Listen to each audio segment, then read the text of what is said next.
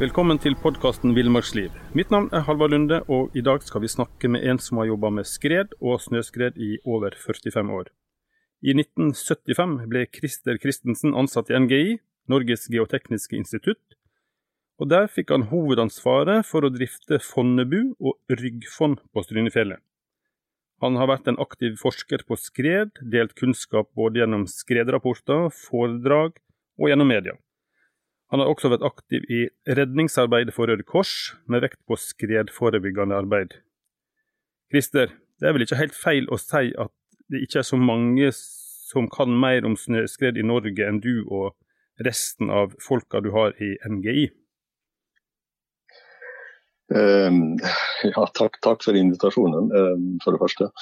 Um, det, det, er litt vanskelig å, å si uh, så mye om hvem som vet mest om snøskred i Norge.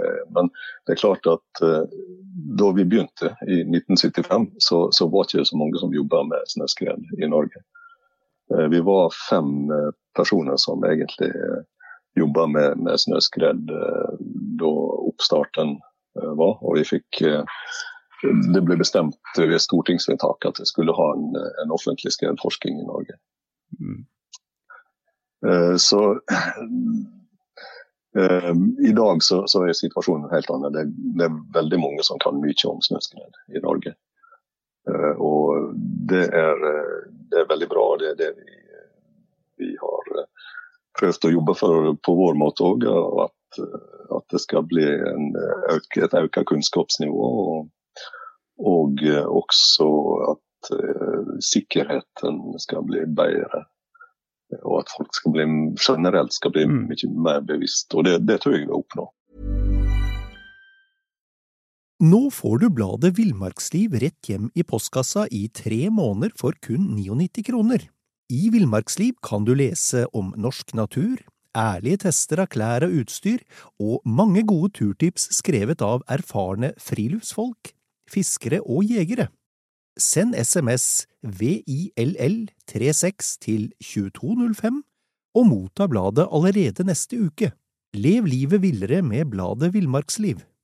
Even on a budget, quality is non-negotiable. That's why Quince is the place to score high-end essentials at 50 to 80% less than similar brands. Get your hands on buttery soft cashmere sweaters from just 60 bucks, Italian leather jackets, and so much more. And the best part about Quince, they exclusively partner with factories committed to safe, ethical, and responsible manufacturing. Elevate your style without the elevated price tag with Quince. Go to quince.com slash upgrade for free shipping and 365-day returns. Hva tenker du om hvis, hvis en ser på um, det vi kan om snøskredfare i, i, dag, og snøskred, da, sammenlignet med hva, hva, vi visste når du begynte i NGI? Ja, det Det var faktisk en hel del uh, innsikter allerede på den tida som, som går tilbake til uh, egentlig Eh, langt tilbake på 1900-tallet, begynnelsen av 1900-tallet. Der, der, folk i litteraturen skrev fornuftige ting, sånn som uh, hvor bratt det måtte være for at snøskred skal losne, og, og hva, som, hva, som, er viktigst når det gjelder f.eks. vær og vind. og Vinden skredets byggmester, sto det f.eks. Det, det er sånne, sånne ting som gjelder i dag. Mm. Eh, men det var også en del annet rart som, som sto i litteraturen. Eh, og I tillegg så, så var ikke det så utbredt med kunnskap om, eh, om skred generelt. Det var lite litteratur på norsk, egentlig. Mm. Så utbredelsen av kunnskap har, har endret seg mye. Og det er klart at det har kommet en hel del nye innsikter og som, som går på, på, det som har med selve mekanikken i, i snø, snøfysikken og, og hvordan eh, dynamikken i skred som beveger seg eh, er. Det, der har du sett eh, mye. Mm. Eh, hvordan ser liksom det, det, internasjonale miljøet ut her? Er Norge liksom eh, altså Konkurrerer vi eller samarbeider vi, og hvem er, hvem er best, for å si det sånn? da? Altså, da, vi, da vi begynte, så, så, var det et lite miljø i Norge, så vi var jo helt avhengige av å ha kontakt med de andre som, som drev i andre land. Eh, og vi hadde mye kontakt med, med Sveits, Østerrike, eh, Canada, USA mm. eh, og Japan. Og alle kjente alle i, i egentlig miljøet. Det var såpass lite mm. miljø at at, og vi hadde et veldig godt samarbeid. Og det var ikke, det var ikke noe konkurranse direkte, men folk jobber med forskjellige ting og samarbeider om å, om å dele resultat fra det, det, vi gjorde. Det vi, kan si at det vi gjorde på Fondbu f.eks., eh, som et eksempel nå, at vi, vi hadde et av de første, eller et av de få kuldelaboratoriene i verden var i Sveits og Japan og Grasdalen i Norge som hadde kuldelabbet den drev og, og, og, målte de mekaniske egenskapene til uh, snø. Så vi målte skjærkrefter, og i Japan målte de trykk, og i Sveits målte de strekkrefter. Mm. Og det, det, førte til en, en, en ny forståelse for hva, hva slags materiale som snø egentlig var som har litt kompliserte eh, og egenskaper som eh, var viktige i forhold til hvordan eh, snøskred oppstår. Mm. Vi skal jo bevege oss litt inn på sagt, selve, selve snøskred og snøskredfare. Og I vinter så har det jo vært eh, ofte meldt på, på, nyhetene om at det er stor snøskredfare. Og man blir bedt om å holde seg unna skredfarlig terreng eller skredterreng. Men hva er det som egentlig er skredterreng? Kan en liksom si noe, noe som har sagt felles om det? Noe kjennetegn? Ja, noe av det første jeg fikk vite av en eldre kollega, det var at uh, han sa at det kan gå snøskred alle plasser der det ligger nok snø, og der det er bratt nok. Ja. Så, så, bratt nok, det er liksom uh, en, en, det som avgjør. Forutsatt at det ligger snø, selvsagt. Ja. Og bratt nok eh, for den type som, av skred som fører til mest ulykker, eh, dvs. Si tørre flakskred. Mm. Eh, det ser ut til å være sånn rundt 30 grader. Mm. Så, så, det er da skredterreng. Det er alt som er brattere enn 30 grader, og der ligger snø. Mm. For å si det veldig grovt. da. Ja. Men det er klart at det er jo andre typer av snøskred òg, eh, sånn som sørpeskred, som kan losne på helt andre, i helt andre terrenghellinger. Mm.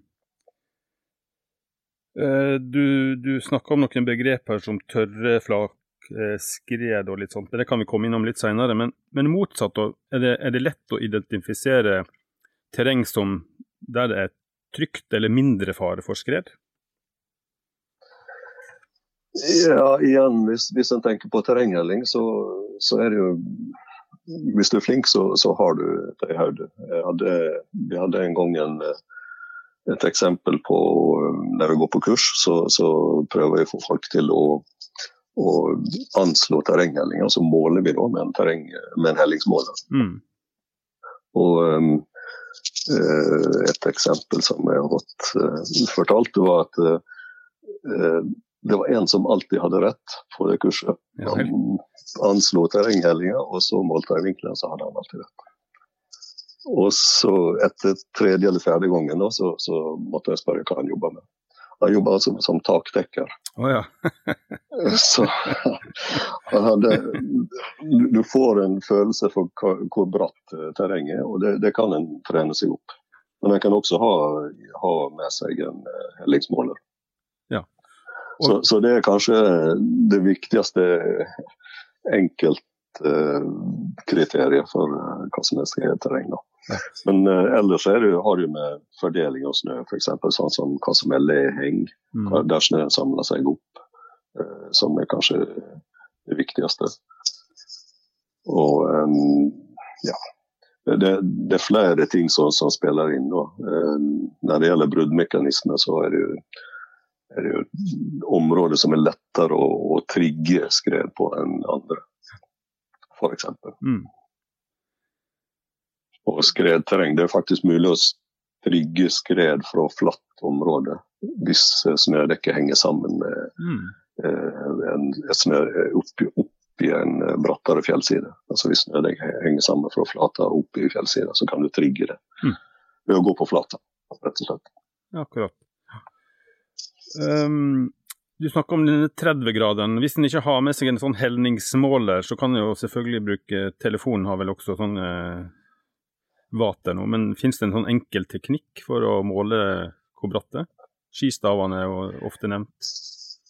Ja, det, det bruker jeg en del eh, hvis jeg er i tvil. Altså, hvis du tar en skistav og så eh, har den ene loddrett og den andre vassrett, og har et merke på midten på den andre staven som er loddrett, Mm. eh, og den andre vannrett. Og hvis begge spissene tar i snøoverflata, så er det nesten 30 grader. Eller 20-20 Ja. Det er jo et Så veldig godt på tips. to. Ja. En på to er ca. i underkant av 30 grader.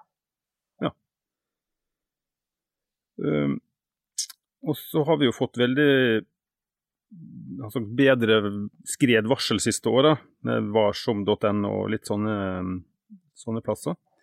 Men hva er det slags vurderinger som ligger bak et snøskredvarsel? Altså Når du snakker om kategori eh, 1, 2, 3 og, eller 4 på var, varsom.no, hvilke liksom Ja, det går opp Unnskyld, ja. ja. Det, skalaen går opp til fem, eh, faktisk, da, men, men eh, grad fem det er mer sånn eh, katastrofesituasjon. Okay. Så mm, den er sjelden brukt når det gjelder, når det gjelder skiløp. i Ja. hvert fall.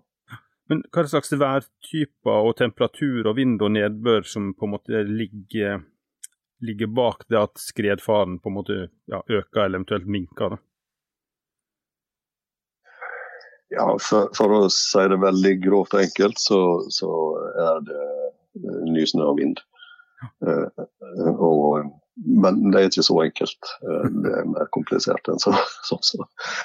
Uh, men eh, ofte så, så er det slik, iallfall på Vestlandet. På Østlandet og mer kontinentale strøk så har du også det som vi kaller for vedvarende svake lag i snødekket. Og det gjør at det som en må ta hensyn til i skredvarslinga, det er det er eh, ganske mye. Tidsskalaen som en tar hensyn til, det er egentlig hele vinteren. For at det her vedvarende svake laget, de, de danner seg eh, ved fysiske prosesser i snødekket over tid. Mm. Altså det kan ta uker og måneder.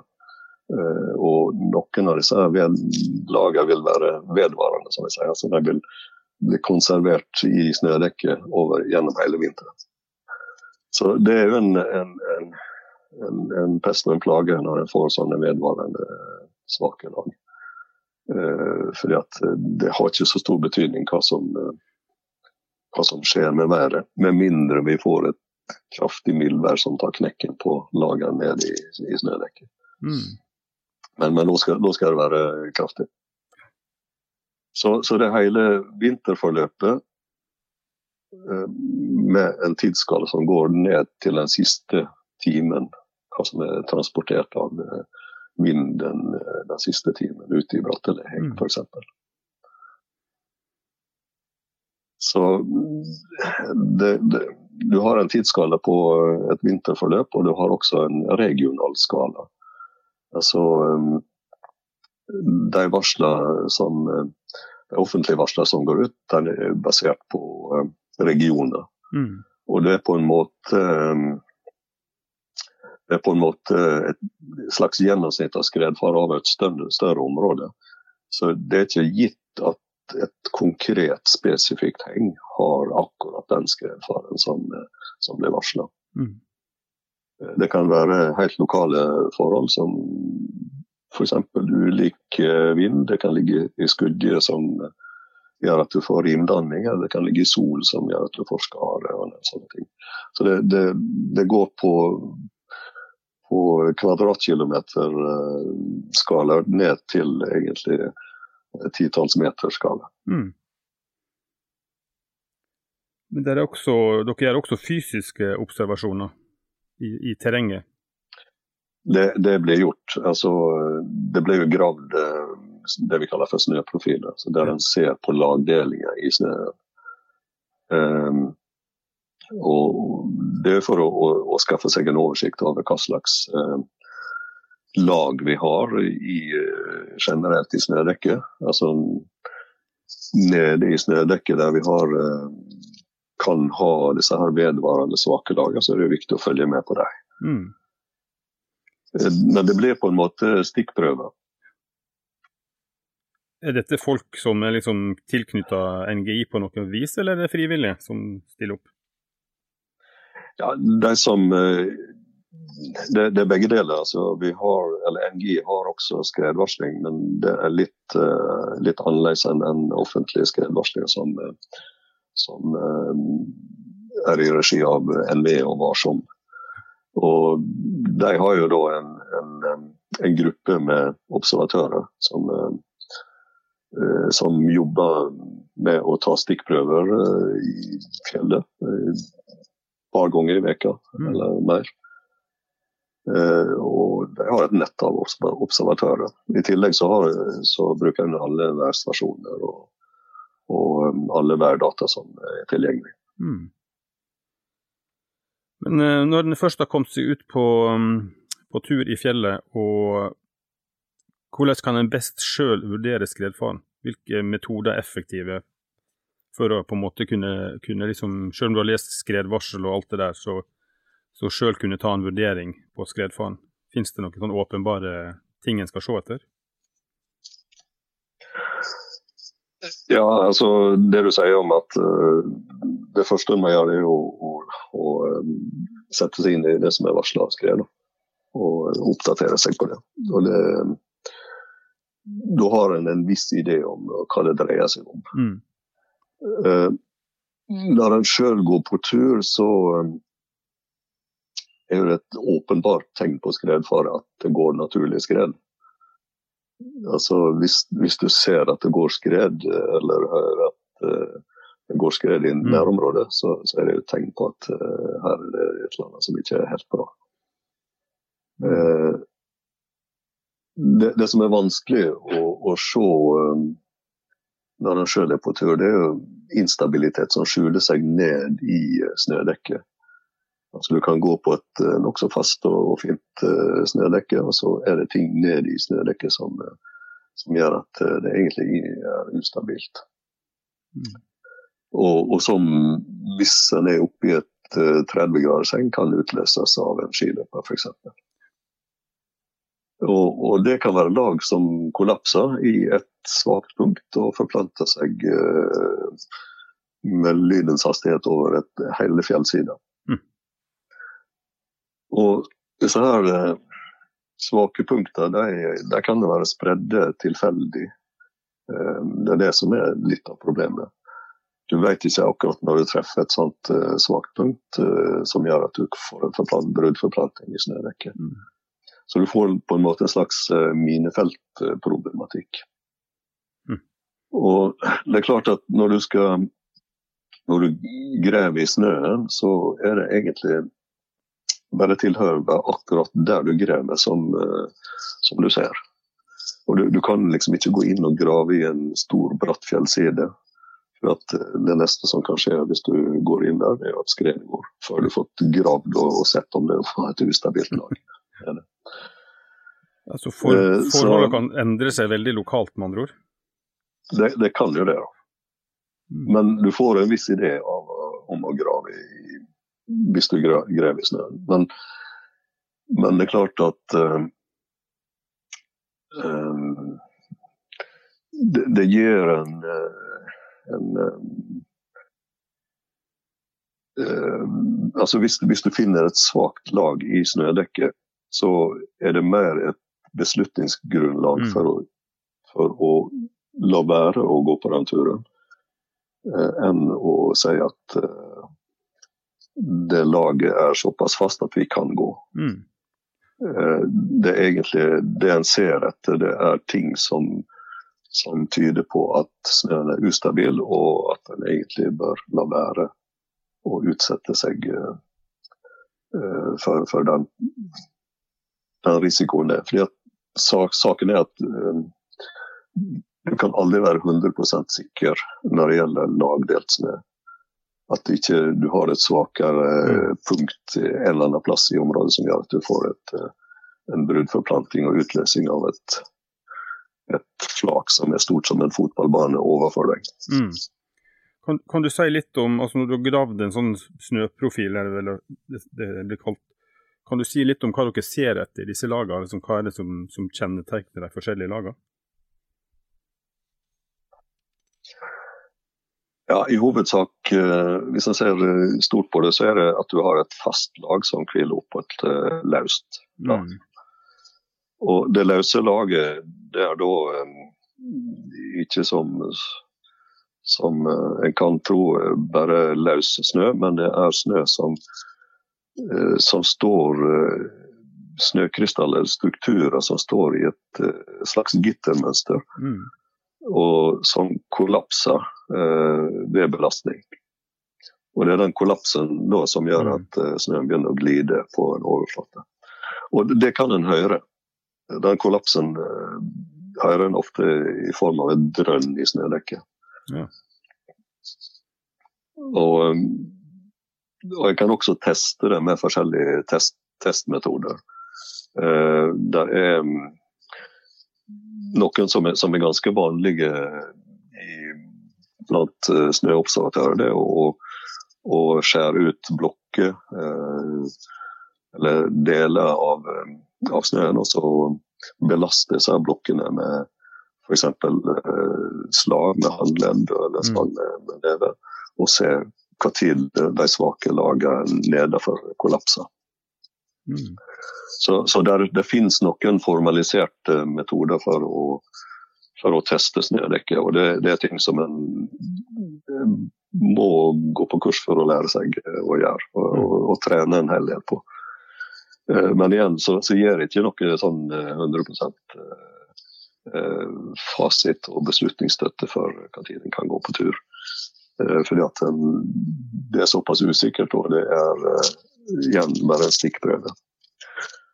Det mm. som en, eh, det som en bør gjøre, det er å ha et åpent sinn, åpne, åpne sanser når en går i skredterreng. Og hvis en hører drønn i snødekket når en går på flata, da er det naturens måte å skrike at her er det veldig ustabilt. Mm. Og det samme drønnet som sagt, det en hører når skredet løsner. Mm. Hvis en er oppe i en fjellside. Ja. Og Da kan vi jo lett hoppe over til hva er det som egentlig utløser et skred? Kan jeg si noe om det? Ja, eh, nå eh, snakker vi vanligvis om eh, Eller har vi så langt så har vi snakka om eh, tørre flaggskred. Og, og, da har vi den, eh, den, disse svake strukturene ned i snødekket. Der er jo andre typer snøskred også. Vi har sørpeskred, vi har flakskred som, eh, som går på, eh, på, bakken og på svaberg. Mm. Tilsvarende sånn som takras. Eh, og vi har løsneskred, som er på en måte et granulært materiale, eller som sand f.eks. Som, som går i solside gjerne, og har sånn pæreforma utløp. Mm. Eh, så, så, alle disse her har forskjellige utløsningsmekanismer. Så det er ikke så enkelt å, å, å, å um, gå gjennom alle. Men det er det tørre flaksskredet som har den største betydningen for oss som ferdes i fjellet. Og som også fører til de største skredulykkene generelt. Mm. Og da er det jo den, den de svake strukturene i snødekket og bruddforplantinger under uh, dette her flaket da, som ligger i fjellsida. Mm. Uh, så, som, uh, og, og der er, det er der forskninga for en stor del retter seg inn på også, for å finne ut hvordan, akkurat hvordan dette her foregår. Mm.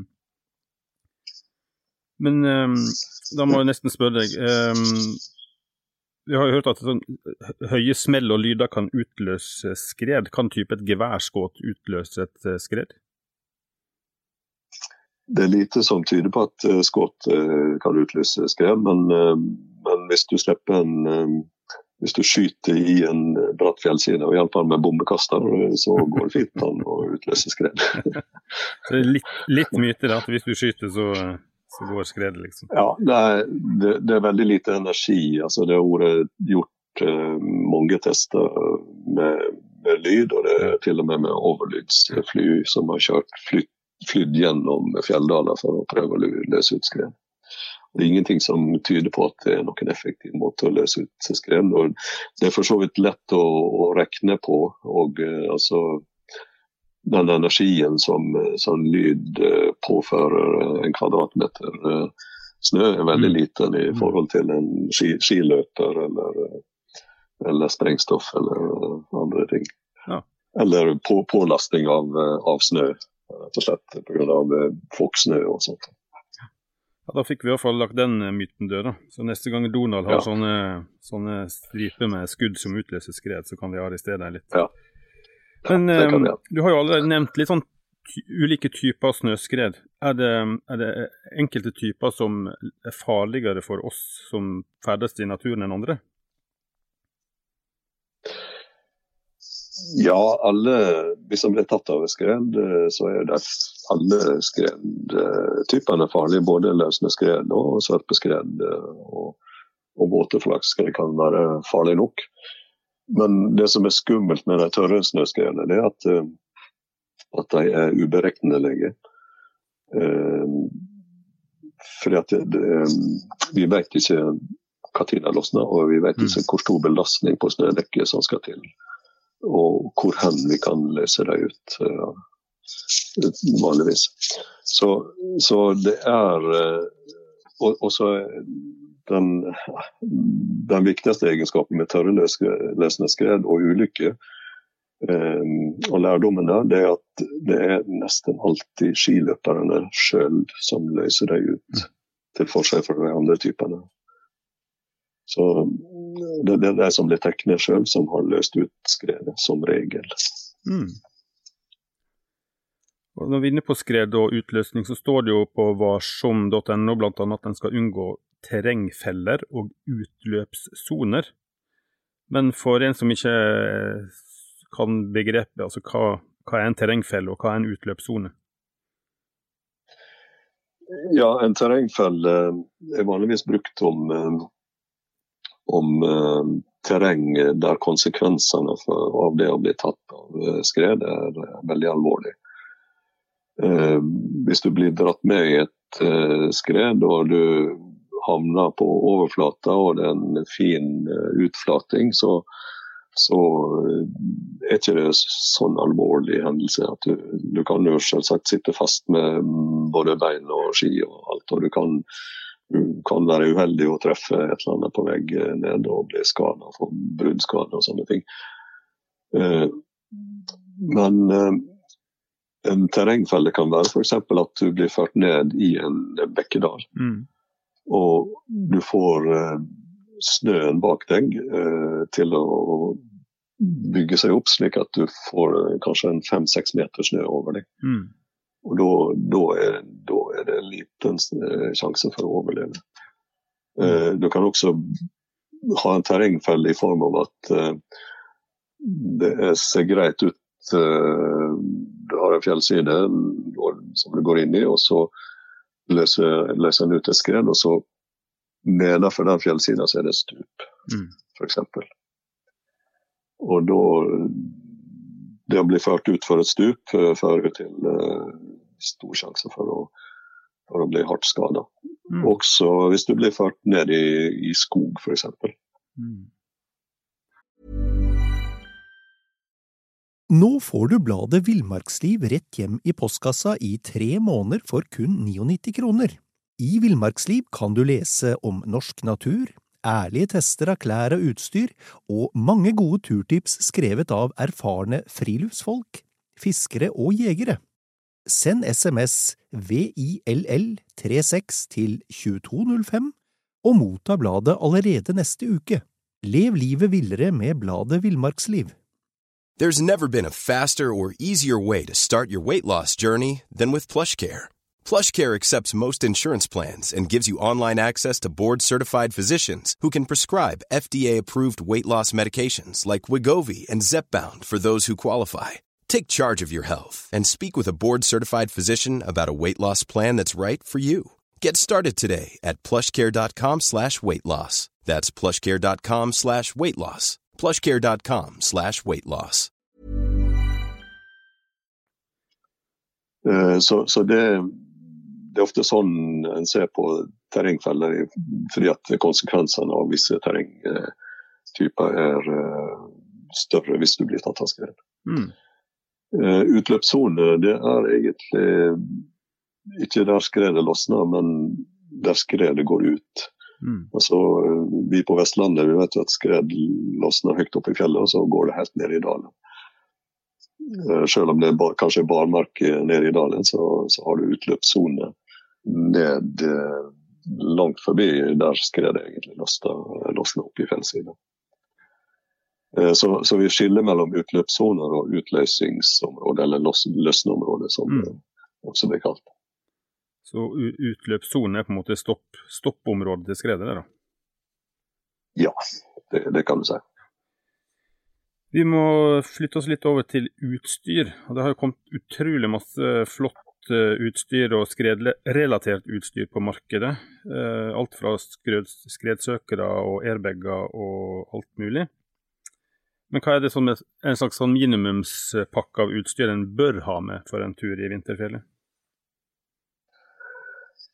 Ja, um, det, er en, det er en interessant problemstilling. Ehm, eh, det, det første en må vite, er at ehm, det å bli tatt av et skred er livsfarlig, uansett Mm. eh, utstyret en bruker. Eh, Så det har skjedd veldig mye på, på utstyrsfronten, og spesielt på søkeutstyr, som gjør at en kan bli funnet fortere. Og det er veldig viktig, for at eh, de aller fleste som blir uh, redda i live, og som er helt begravd, de blir redda innenfor et tidsvindu på eh, mellom 15 til 20 minutter. Og Det har jo med at, eh, at eh, dødsårsaken ofte har med, eh, med kveling, eller asfyksi, som vi kaller det, å gjøre.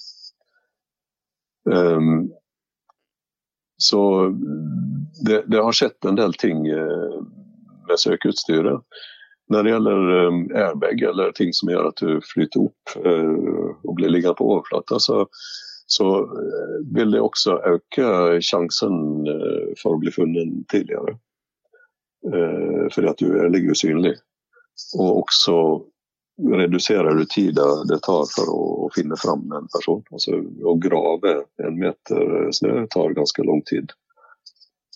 Eh, Hvis det ligger, hvis det ligger en person begravd i snøskred, så tar det, tar det også tid. Mm. Og det, det inngår i de 15-20 minutter du har på deg. Eh, Så mm, alle disse her tingene vil hjelpe eh, dine kamerater eller eh, redningsmannskap å finne deg eh, tidligere. Men Mm. det er ikke noen garanti for at du er i live når du blir funnet. Nei. Eh, fordi det er så mange andre ting som kan skje.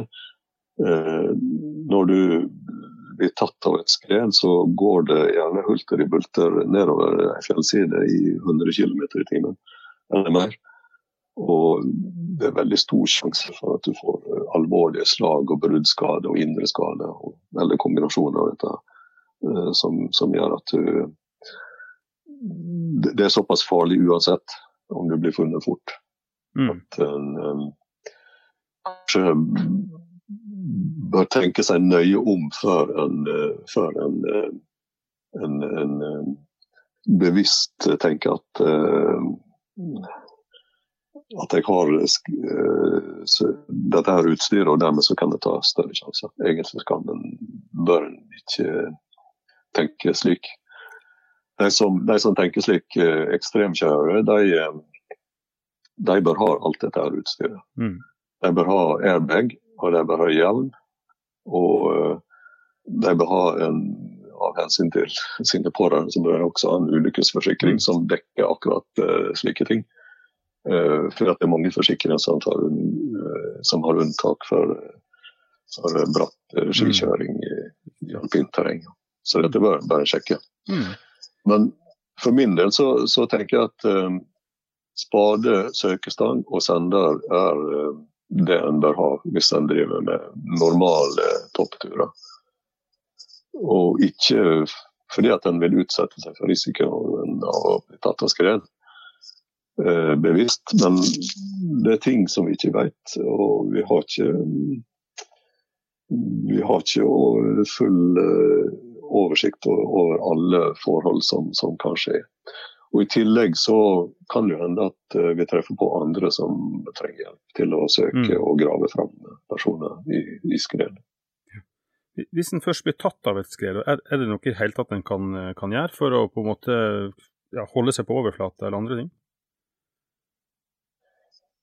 Eh, ja, det, det, spørs litt hva, hva slags skred det, det Altså, vårskiløyping eh, og, og sånne ting. Så under eh, ikke sånn ekstreme forhold, men der det er mer snakk om løsende skred, f.eks.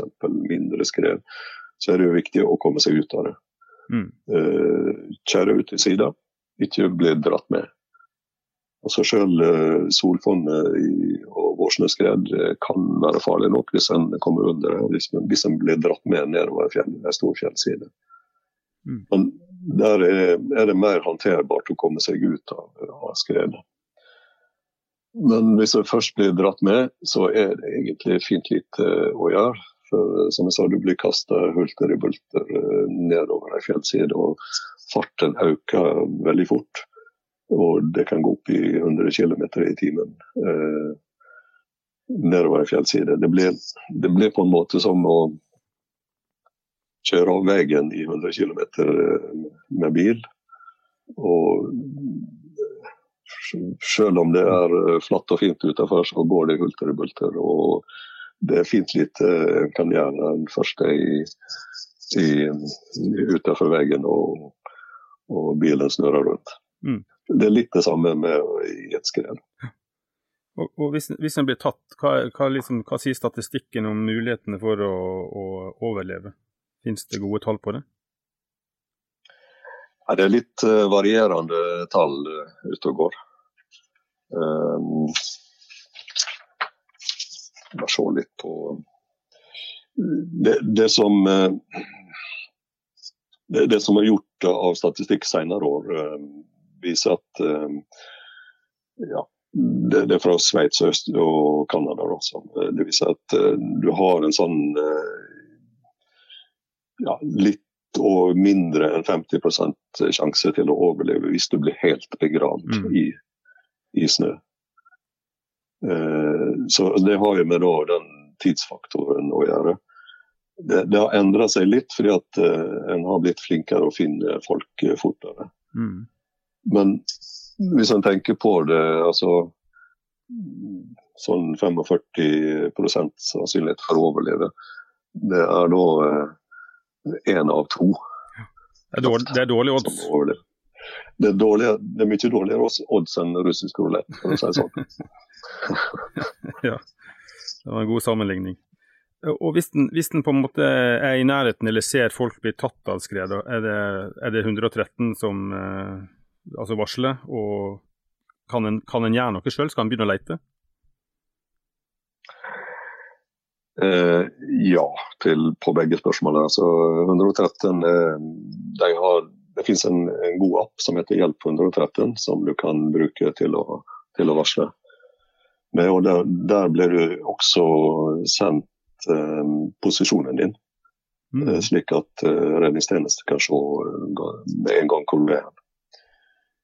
Når det er sagt, så, så er det det europeiske varslingsnummeret som også gjelder i Norge, det er 112. Og det er da redningstjenesten eller politiet da, som får, kan, kan, nås på 112. Men det, det, er en samordning der, så det spiller egentlig ikke noen rolle eh, om du ringer, ringer, 113 eller 112. Ja, ja. Det som er fordelen med 112, det er at du kan bruke den på en låst telefon. Ja. Så du kan til og med ringe 112 på offerets eh, sin telefon hvis du ikke har en egen telefon. Det var et godt tips. Så ja, det, det er bare et lite tips. Um, ja, til det andre spørsmålet. eh, Skal en begynne å lete? Eh, Ja.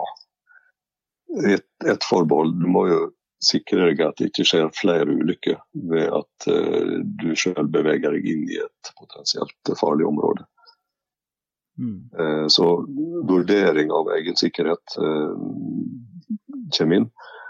Men så er det å begynne å lete med en gang. For at vi husker disse 15-20 minutter. Det, er- det er tidsvindu Mm. eh, som vi har å jobbe med. Og de aller fleste skiløpere som blir redda i livet, de blir redda av kamerater eller øyevitner som ser eh, skje. Mm. Og kan begynne å søke med en gang. Mm. Eh, I, I slutten av februar så var jeg i Stryn, det er jo der du holder til. Og var meldte meldt om høy snøskredfare nivå fire. Men altså visuelt så så det for meg ut til å være veldig lite snø i fjellet. Det var jo steiner og, og, som stakk opp overalt. Og, men så sjekka jeg på Varsom i ettertid, så ser jeg at det så ikke så veldig langt unna i nabobygda Håndalen, så var det observert en skredkant i Brattheng. Og, og i et område som jeg da liksom tenkte var snøfattig, da var det målt 90 cm snø, med kornete lag nederst. Er, er liksom min vurdering her en sånn typisk ting at man undervurderer lokale forhold og skredfaren, og kanskje ikke helt tror på skredvarselet? Eh, ja, uh, kanskje, men, men uh, Men i beskrivelsen av skredvarsel så står det jo at det er et regionalt varsel. Mm. Og at en må vurdere de lokale forholdene også i tillegg. Så lokal vurdering er, er viktig. Fordi at som sagt, de, de stedlige variasjoner er store pga. at det har vært altså, Lokalklima eller mikroklima kan variere voldsomt fra, fra ei fjellside til en nærliggende annen fjellside. Mm. Eh, Så, så, så det er eh, Det er som sagt eh, lokal vurdering må til hvis en skal, hvis en skal kunne si noe om, eh, om skredfaren Mm. akkurat der han er. Eh, Det som, det som jeg også kan si om det du opplevde om en snøfattig vinter, eh, det er et lite paradoks. Det er at når det er lite snø på Mm. bakken, så er de fysiske prosessene som gjør at snøen blir ustabil, de eh, er mer aktive. At du har en eh, det skjer en omvandling i snødekket som eh, går fortere i et mindre et lav, eller et grunnere snødekke enn hvis du har mye snø. Det har med det som vi kaller for temperaturgradienten i snø å gjøre, som driver en del av disse her fysiske prosessene. Mm.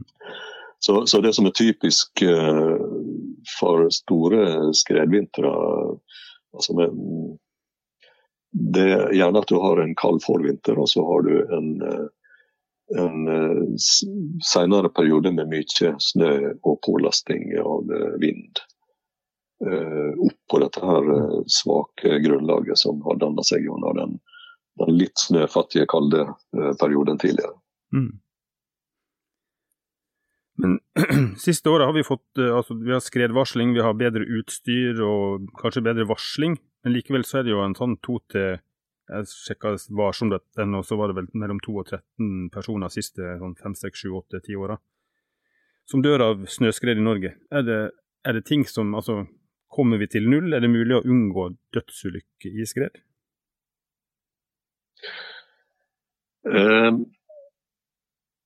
ja, det, det er vanskelig å svare på. Det, det spørs jo helt hva, en, hva slags restriksjoner og tiltak en setter i verk.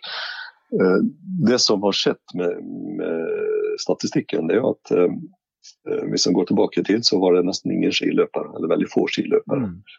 Altså tilbake til første del av eh, 1900-tallet så var det få skiløpere som ble tatt av skred. Eh, mens det var folk på veier og i hus og i, under arbeid som ble tatt av skred. Eh, og den andelen der har endra seg radikalt. Slik at nå er det nokså få som blir tatt av skred eh, på, i veier og hus, men, eh, men andelen av skiløpere har økt voldsomt. Mm. Eh, men totalt så, så, er det ikke så stor forskjell. Altså I perioden på, ja, fra 1900-tallet så lå det på en rundt sju til ti omkomne per år. Mm. Um, så totalt så, så er det ikke noe stor endring. Og, men det som har skjedd, det er jo at um, det er gjort ganske mye når det gjelder sikring av infrastruktur, sånn som veier og bebyggelse. Uh, og vi har plan- og bygningslov, og vi har uh, bedre arealplanlegging og mindre, mindre behov for å, å, å bygge i skredfarlige områder. Um, enn det var før, mm. kanskje. Um, men det er også Der er litt grenser for hva en kan gjøre i forhold til det, i alle fall det uorganiserte friluftslivet. Det organiserte friluftslivet er jo underlagt uh, forskjellige lover og forskrifter. F.eks. For uh, lov om produktkontroll som regulerer de som tilbyr turer i fjellet. Eh, kommersielt. Mm. Og også de som ikke er kommersielle, sånn som turistforeninger og turgrupper. Eh, så, så, der eh, ligger det en del føringer for hva en kan tillate seg. Men når det gjelder annet friluftsliv, så er det jo lite føringer på hva folk kan tillate seg å, å gjøre. Og der er jo opplæring og informasjon viktig. Mm. Og det, Der har det blitt satt inn ganske store ressurser de siste åra. Eh, F.eks. på Varsom og sine nettsider så ligger det veldig mye informasjon. Og um, Det finnes også um, mange tilbydere av kurs uh, uh, når det gjelder skredsikkerhet og, og ikke minst uh, redning. Men det er klart at i friluftsliv så, så, vil det jo alltid være folk som har forskjellig risikovillighet mm. og risikoaksept. Eh, og det er, vanskelig å, det er veldig vanskelig å regulere dette her på noen slags eh, fornuftig måte, tror jeg. Det er vel En ting som har skjedd i friluftslivet de siste kanskje ti åra, er jo denne toppturbølgen. Det spiller kanskje inn. Mm. Det, altså det er flere folk i fjellet, tenker jeg på, rett og slett. På, kanskje på ekstreme plasser òg. Det gjør det. Det gjør det selvsagt.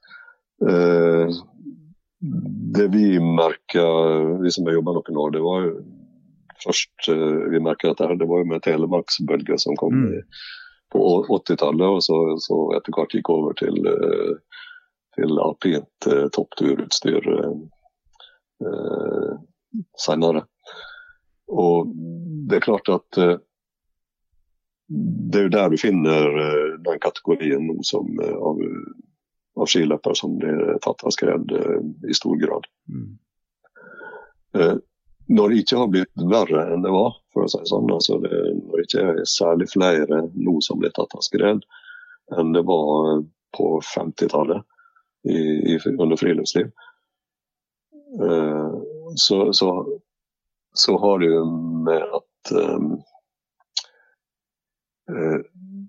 folk har blitt flinkere til å skjønne hva skred er du kan si at uh, skredkunnskapen har gått hand i hand med kunnskapen om å kjøre bratt ski. Uh, enten det er telemark eller det er, eller er topptur. Så, og, og, så har du utstyrsutvikling også, som, som, du var inne på. Mm. Men før vi, før vi avslutter, du må, jo, du må, jo, fortelle litt om eh, det arbeidet som har vært gjort oppe på Strynefjellet på Fondbu, med forskning i fullskala forsøk, bl.a.? Ja, eh, vi har drevet med, med, med veldig mye rart oppe på Fondbu.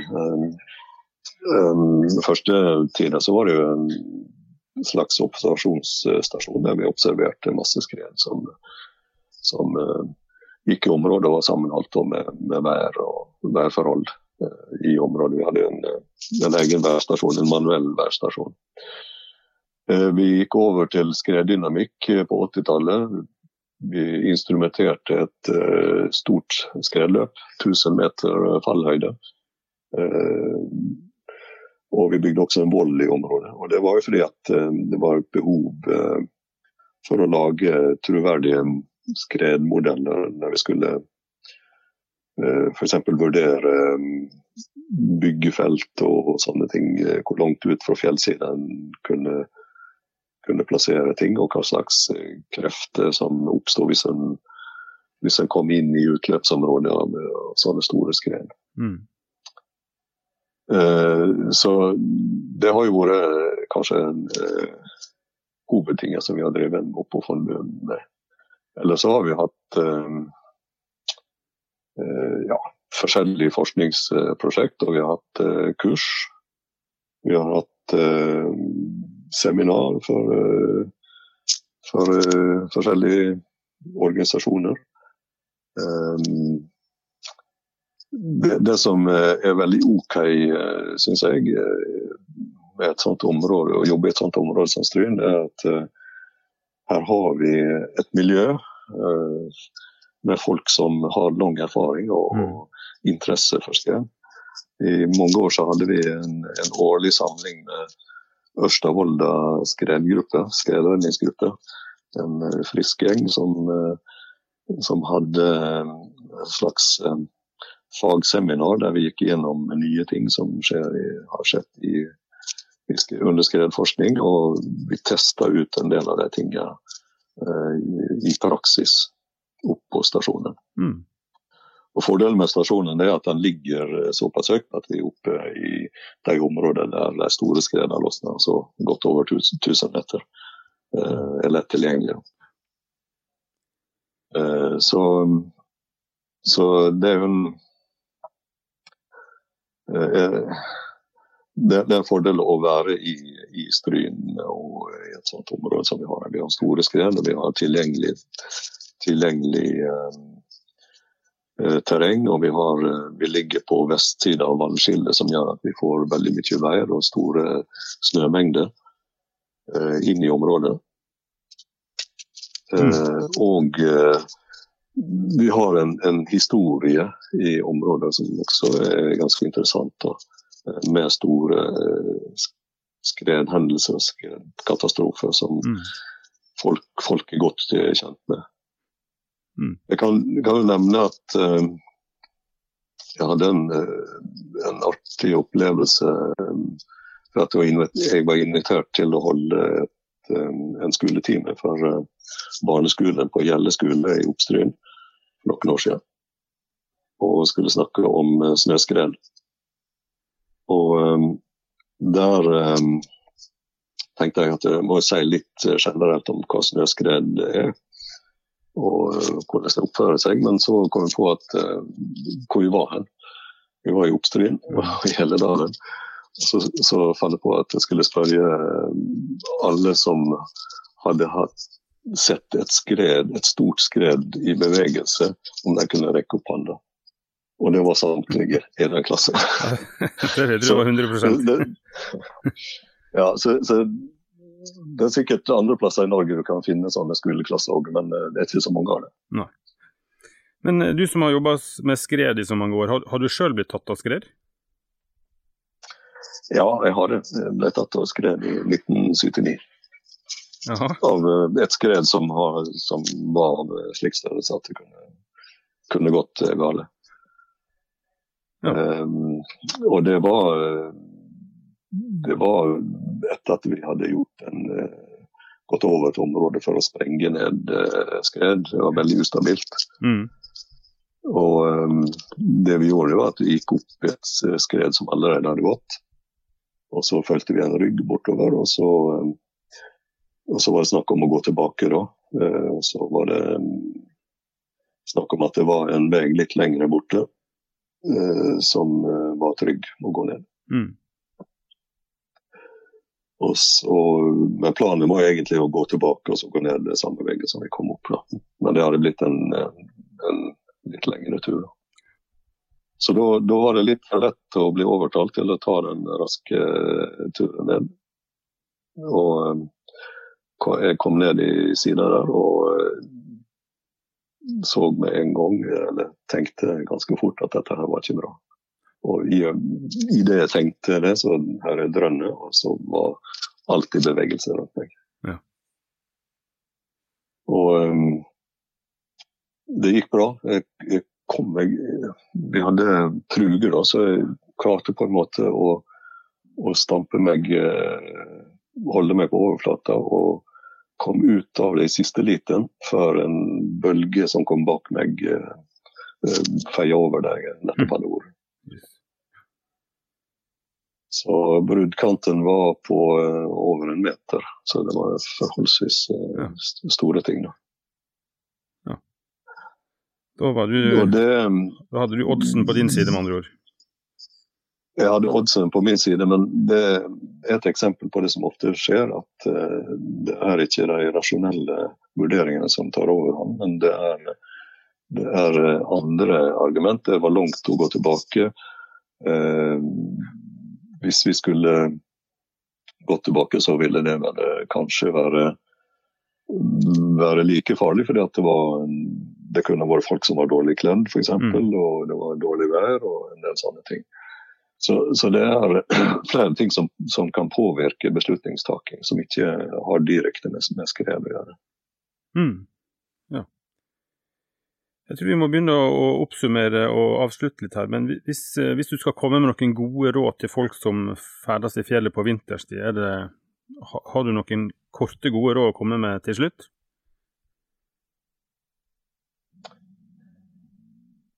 Eh, ja, ikke bli tatt av skred. Uh, det første rådet. men det, det å ferdes i, i vinterfjell eh, med vintersnø, det har sin, eh, sin egen risiko. Eh, hvis du ikke har lyst til å ta risiko, så, eller så stor risiko som det innebærer, så går det an å ferdes i mye likevel. Det å unngå, unngå det som er brattere enn 30 grader. Mm. Eh, og like under bratte heng på 30 grader.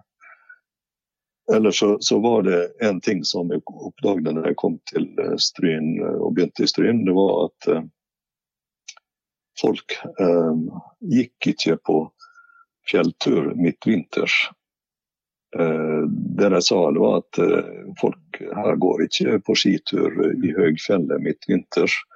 og ikke for at laua på bjørka nede i dalen er store som musøyre. Da begynner folk å gå på skitur i høgfjellet. Mm.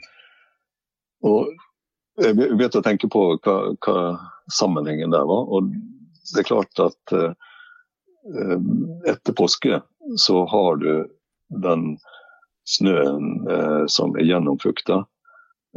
null grader helt igjennom, og den har ikke lagdeling slik vintersnø. Den har ikke disse her sprø ustabile strukturene lenger, vanligvis.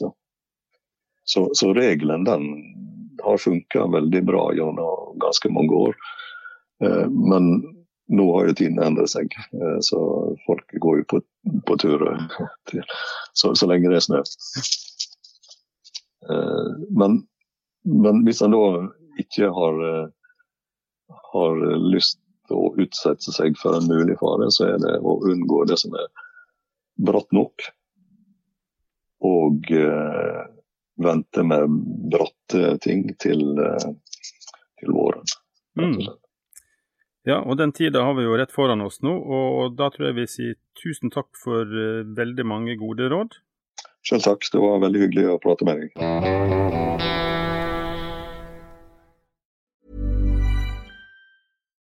Nå får du bladet Villmarksliv rett hjem i postkassa i tre måneder for kun 99 kroner.